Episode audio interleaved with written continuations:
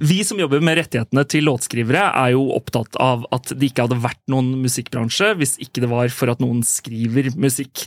Og det er jo heller ikke noen musikkbransje uten at noen utøvere spiller inn og framfører den musikken. Men det vi ikke snakker så mye om, det er jo musikkbrukerne. At det tross alt ikke hadde vært noen musikkbransje uten at det var noen som hørte på. Og det er tema, nettopp fansen. Maria Sanni, hjertelig velkommen til Musikkskaperne. Dette er Tono sin podkast podkast. Du har bakgrunn fra Nordic Screens, Universal Music, Sonett Management, og er i dag eh, et eh, hva skal man si, single woman eh, venture. Stemmer. og er manager for Ramón og for Metropolen. Yes. Kan vi bare begynne med altså Jeg leste på nett at du, du begynte med talentmanagement da du var 17 år gammel. Kan du fortelle litt om hvem du er, og hvordan du havna der du er i dag? Ja, jeg drev mye med foto og video og sånn da jeg var yngre på ungdomsskolen. Syntes det var veldig gøy å være kreativ og skrev blogg og designet hjemmesider og holdt på å styre. Um, og jo eldre jeg ble, så um, begynte jeg med YouTube og lagde YouTube-videoer der først, og det var der det starta. Det er litt sånn flaut å si nå, men uh, fikk meg masse venninner som gjorde det samme.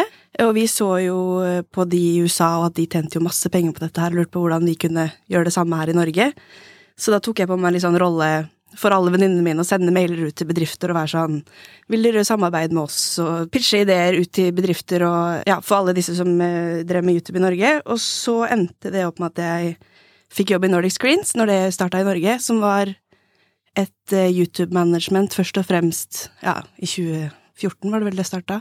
Og det var Da gikk jeg tredje klasse på videregående, og, og fullførte ikke videregående, men begynte heller å jobbe der.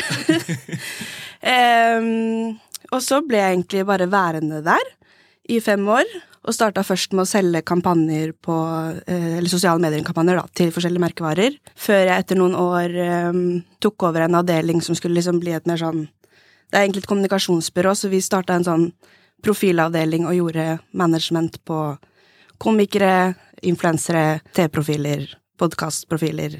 Alt mulig, egentlig. Så det var egentlig der det starta. Det bare balla på seg. Jeg tok bare tak i de mulighetene jeg fikk, og fikk liksom skape min sånn egen stilling der, da. Og hadde fantastiske sjefer som lot meg holde på litt sånn som jeg ville.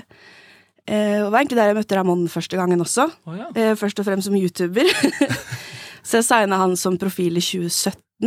Ja. Eh, det var rett etter The Stream, husker jeg. Og jeg har alltid vært veldig musikkinteressert, så jeg fulgte med på det og syntes han var veldig spennende.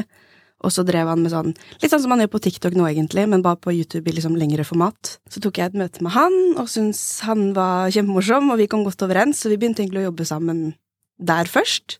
Og så var det jo først når han eh, begynte med og skrive låter på norsk. At uh, selv om ikke vi jobbet så tett sammen da, for da hadde han sluttet litt med YouTube, og sånn, så drev han Jeg fikk kanskje melding av Ramón en gang i måneden på Facebook som var sånn Her er de fem siste demoene mine, kan du gi meg feedback på dette? Så, så, ja, så det var litt sånn Selv om vi ikke hadde så mye å gjøre med hverandre sånn uh, jobbmessig lenger, så var det liksom den ene meldingen fra Ramón i måneden med musikk. Eh, så det holdt jo gående et par år. Da jobbet jeg i Nordic Screens, så det var veldig rett sånn i starten av korona-typ. Hvordan var liksom overgangen da til, eh, til, musikkbransjen? Var det en stor omstilling, eller var det mye av det samme å, å fokusere på kunstnere som er eh, veldig opptatt av at det er musikken som skal være i fokus, og ikke dem som, som influensere? Hvordan eh, opplevde du det? Eh, når jeg først startet i Universal, så var det jo Jeg fikk jo tilbud om jobb der fordi jeg hadde de som kunde i Nordic Screens og gjorde en del sosiale medier-kampanjer for de. Og så flyttet jeg over for å gjøre det mer inhouse hos de. Så jeg startet jo, jobbet jo først to år der som liksom sosiale medier-rådgiver og gjorde promo på en del artister deriblant Ramón, for vi møttes igjen på en måte i Universal, for han ble signa der samtidig som jeg begynte å jobbe der. Og jeg er jo vant til å være litt sånn Det man er når man jobber med influensere, er jo at man er jo egentlig en selger. Man selger kampanjer.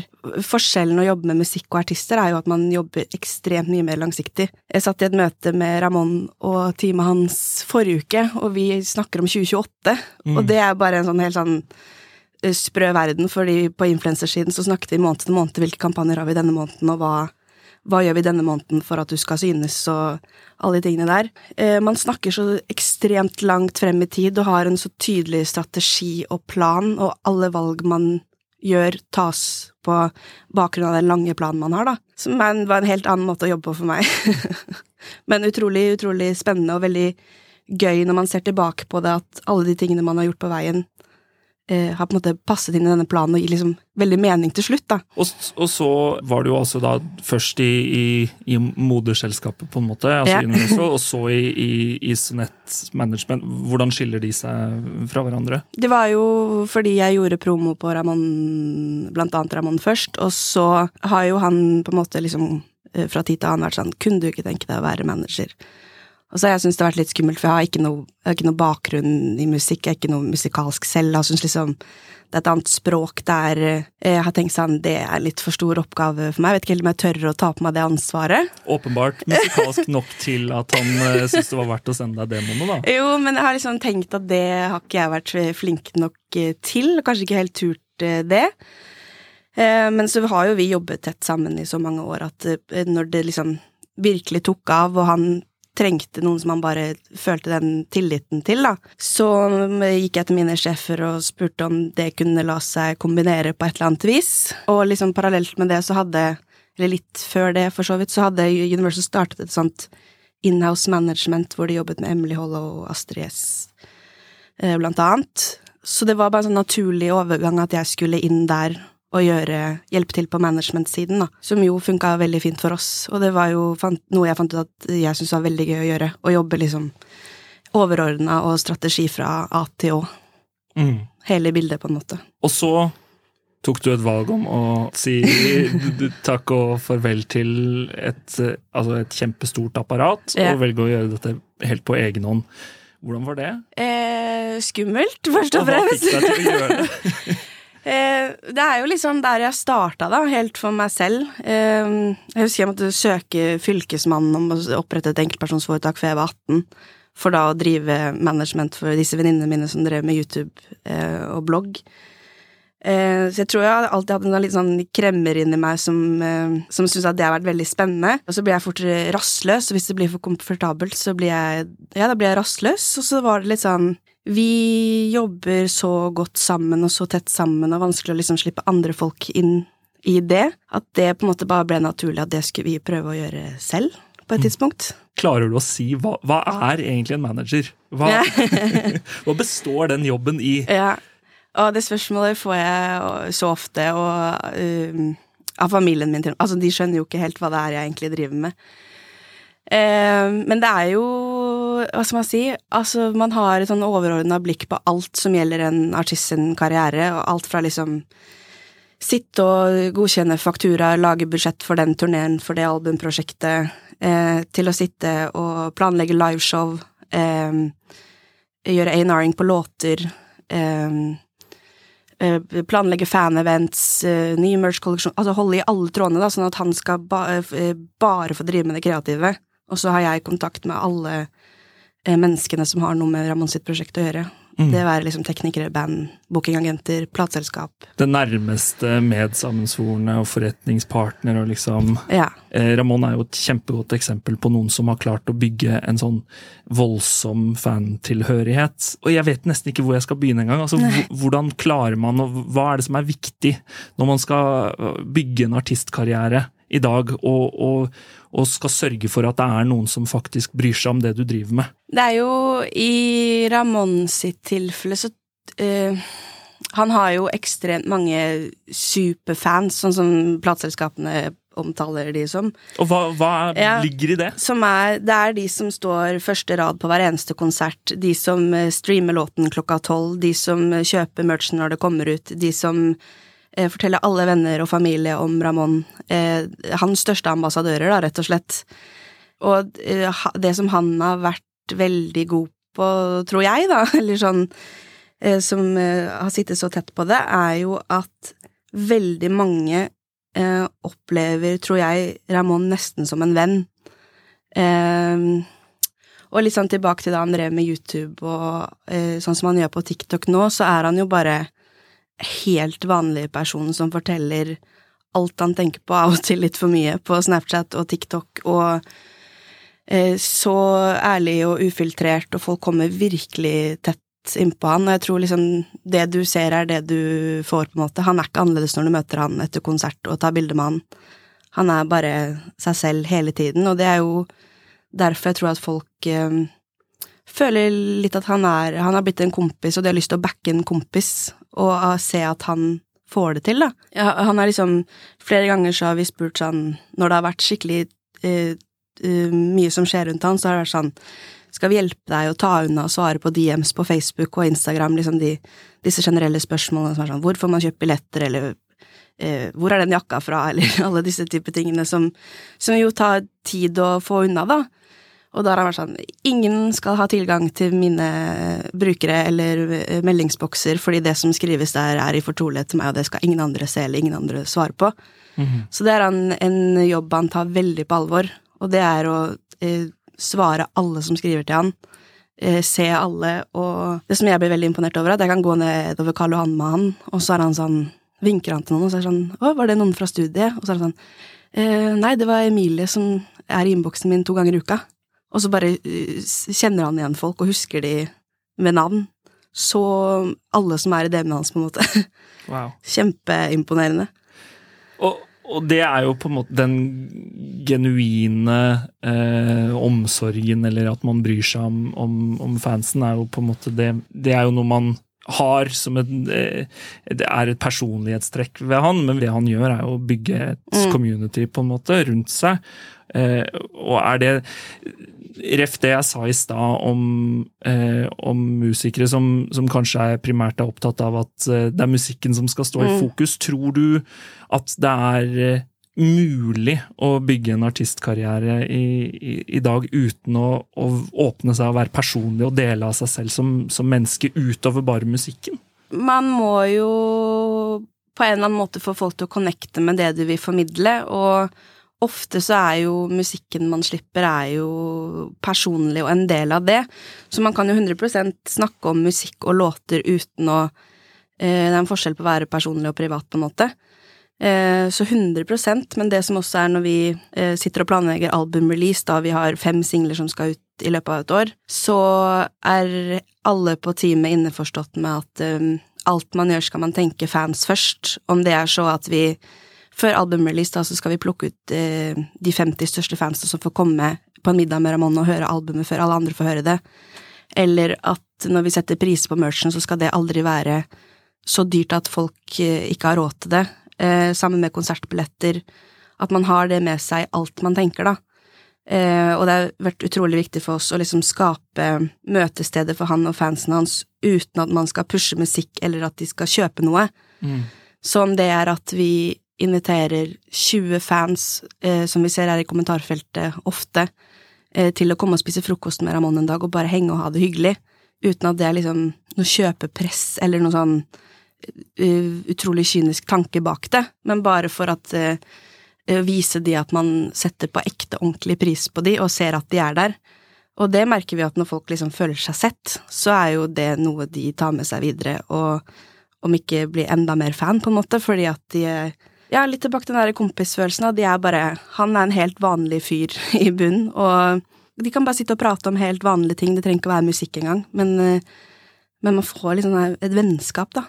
Du snakker om å, å planlegge albumrelease, på en måte. Hvor, hvor, eh, hvor sentral del av eh, den planen er det at Ramón må være Ramón, og at han eh, må være i kommentarfeltet, og at han må stitche folk, og at han må mm. på en måte kommunisere med fansen? Mm. Det er jo på en måte fundamentet for alt vi gjør, at han eh, Eh, eh, pleier det forholdet med fansen, men det er jo klart at det krever jo mye av deg som et menneske, og han er jo, som alle andre, har jo dårlige dager, han òg, på en måte, og det er jo noen ting vi har funnet ut av som vi på en måte jobber rundt og justerer oss etter, sånn som for eksempel han har sagt jeg kan, etter klokka syv på kvelden kan ikke jeg sitte og lese meldinger om at folk har det vanskelig, for da får jeg ikke sove natta. Så da har han lagt inn sånn, han har en time på morgenen hvor han går gjennom alle DMs, um, for å være i riktig mindset, da, og kunne liksom uh, være på rett sted når han skal svare folk, fordi det er mye tunge ting som folk opplever å bruke musikk til, eh, som de gjerne vil fortelle han, og som er superfint, men det er jo litt sånn umenneskelig å skulle sitte og ta imot alt det også. Så, og det er sånn med eventer og sånn, det er jo avhengig av at han har overskudd eh, til det, så alt handler jo bare om at eh, i en sånn albumrelease, for eksempel, da, som er superhektisk, og du har kanskje eh, tre uker som er liksom kampanjetid, hvor du har fem intervjuer hver dag. Du skal gjøre eh, intimkonserter på kveldene og eh, veldig kjør. Så må man jo på en måte justere etter hvordan han fungerer, og legge noen pauser. Og den dagen han skal henge med fansen sin, skal det kanskje ikke skje noe annet, for da skal han bruke all energien sin der. Være på og ikke være sliten av, og at det er andre ting som tar oppmerksomheten eller tiden hans. Mm. Eh, men det er liksom eh, førsteprioritet alltid disse, rundt disse releasene og eh, tingene vi gjør, at den, den fanaktiviteten, eller det eventet vi skal gjøre, er det aller viktigste vi gjør i løpet av den perioden. Um, så alt annet må liksom tilrettelegges rundt det, da.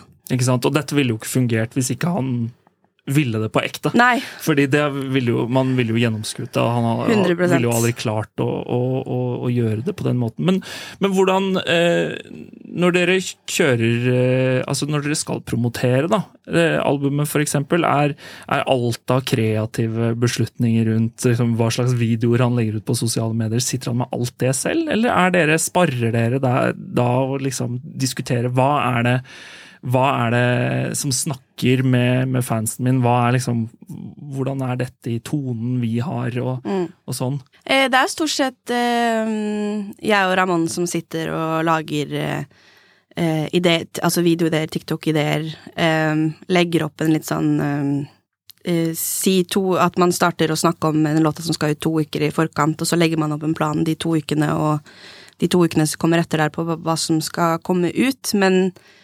eh, det aller meste er ikke planlagt. Det er fra dag til dag. Og så vi, eh, sitter vi på telefonen en time om dagen og snakker om hva vi kan gjøre.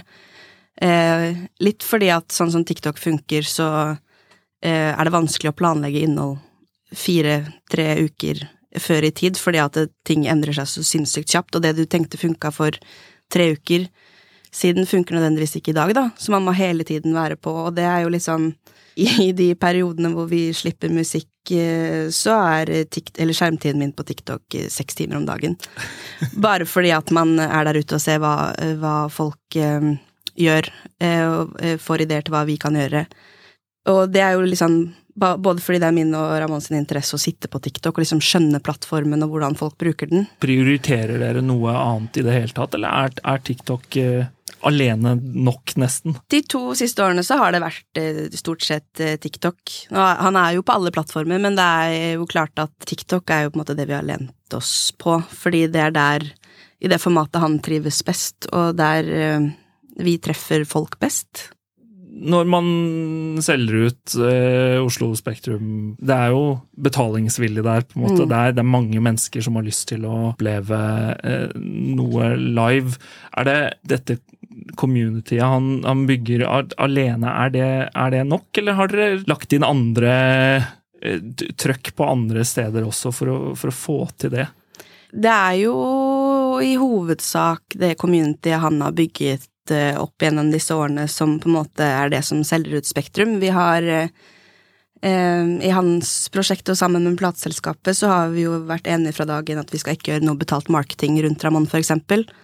Eh, det, han, eh, det som kommer fra hans kanaler skal ikke oppleves reklamete eller pushy på salg eller eh, den type ting. Det skal mer være sånn Shit, dere, eh, eh, sammen så kan vi kanskje klare å selge ut Spektrum, og det hadde vært en helt fantastisk ting som vi har fått til sammen. Og det er liksom den følelsen jeg tror alle sitter igjen med når han selger ut Spektrum, da, at alle er bare utrolig glad på hans vegne. Og jeg ser sånn i kommentarfeltene hans også, så er det kommentarer fra folk som er sånn eh, 'Jeg har sykt lyst til å dra, men jeg har ingen venner å dra med.' Og så ser du ti andre Ramón-fans som skriver 'Du kan være med meg og vennene mine'. Og det syns jeg er utrolig fint å se. Um, og vi vet jo at mange av de har møttes og blitt venner gjennom Ramón, og drar på konserter sammen. Det er en eh, det er flere gjenger som følger etter han på sommerturneen, for eksempel, som er fra alle deler av landet, men som har blitt venner av Ramón. Så det er liksom ekstremt eh, sterk, den community-følelsen, hos både liksom alle som jobber med Ramón, og hos eh, fansen hans, da. Det er bare skikkelig sånn heiagjeng. og vi skjønner jo det når, når, vi snakker med deg nå, at eh, dette handler veldig mye om hvem han er som person, men det som er interessant, er på en måte å prøve å oversette dette til, til hva slags råd man kan gi folk som har en drøm om å, om å få til en artistkarriere. Og, og, og, det er ganske mye her som uh, man, kan, man kan lære av, selv om ingen kan bli Ramón, mm. så, så, er dette veldig interessant. Uh, hvis du skulle signet noen nye nå, hva, hva, er det Hva er liksom de tingene, de grunnleggende tingene du, du ser etter? Ja, det syns jeg er vanskelig, for nå har jeg jo det siste året jeg har møtt masse artister, hørt på masse musikk, og har jo nå signet en ny gruppe som heter Metropolen, som jeg nettopp har begynt å jobbe med. Um, og så er det bare en sånn Det er kjempe Det er jo ikke noe godt tips i det hele tatt, men det er bare en sånn følelse uh, man sitter igjen med om uh, Ja, for meg handler det om at det er eh, naturligvis bra musikk, noe man har tro på eh, og har lyst til å jobbe med. Fine folk er veldig viktig, fordi man har jo ikke lyst til å sitte i en situasjon hvor eh, Og så jobber man med kjipe folk, og så Det er jo Og det er jo liksom Samme med Ramón, det er jo bare at folk ser at han er en fin fyr, så liker man musikken hans umiddelbart mye bedre, på en måte. At det er en drive, at man har lyst, og man skjønner at uh, det er mye jobb bak det. Det er uh, særs få som på en måte kan slippe en låt nå hvor det kommer 100 000 låter om dagen, og så sitter det. Det er uh, Man må vil, være villig til å eh, legge inn de timene og tråkke opp den løypa fra start, og det er Hvis det er én person på TikTok som begynner å sende meldinger at de digger dette, så bare se de og bruk tid på det, energi på det. For det er de som til slutt vil gå rundt og snakke om deg og være med å bygge de fansene du trenger da, for å kunne eh, leve av dette. Tror du at det å, å være relaterbar, og at folk liksom At folk får en følelse av at de kan eh, connecte med deg som menneske, er enda viktigere nå på grunn av liksom det, det samfunnet vi lever i? At jeg bare tenker på liksom, hvordan AI kommer til å påvirke mm. musikkbransjen. på en måte, at, at, de tingene vi i enda større grad kommer til å søke mot, er liksom den menneskelige mm. kontakten. 100% og jeg tror jo, kjenner jo, eller bare fra jeg var ti år yngre og var fan av popstjerner, hvor man så liksom De gjorde fancy, glossy magasincover. Eh, men var aldri til stede på sosiale medier og viste hva de gjorde før en gig, for eksempel.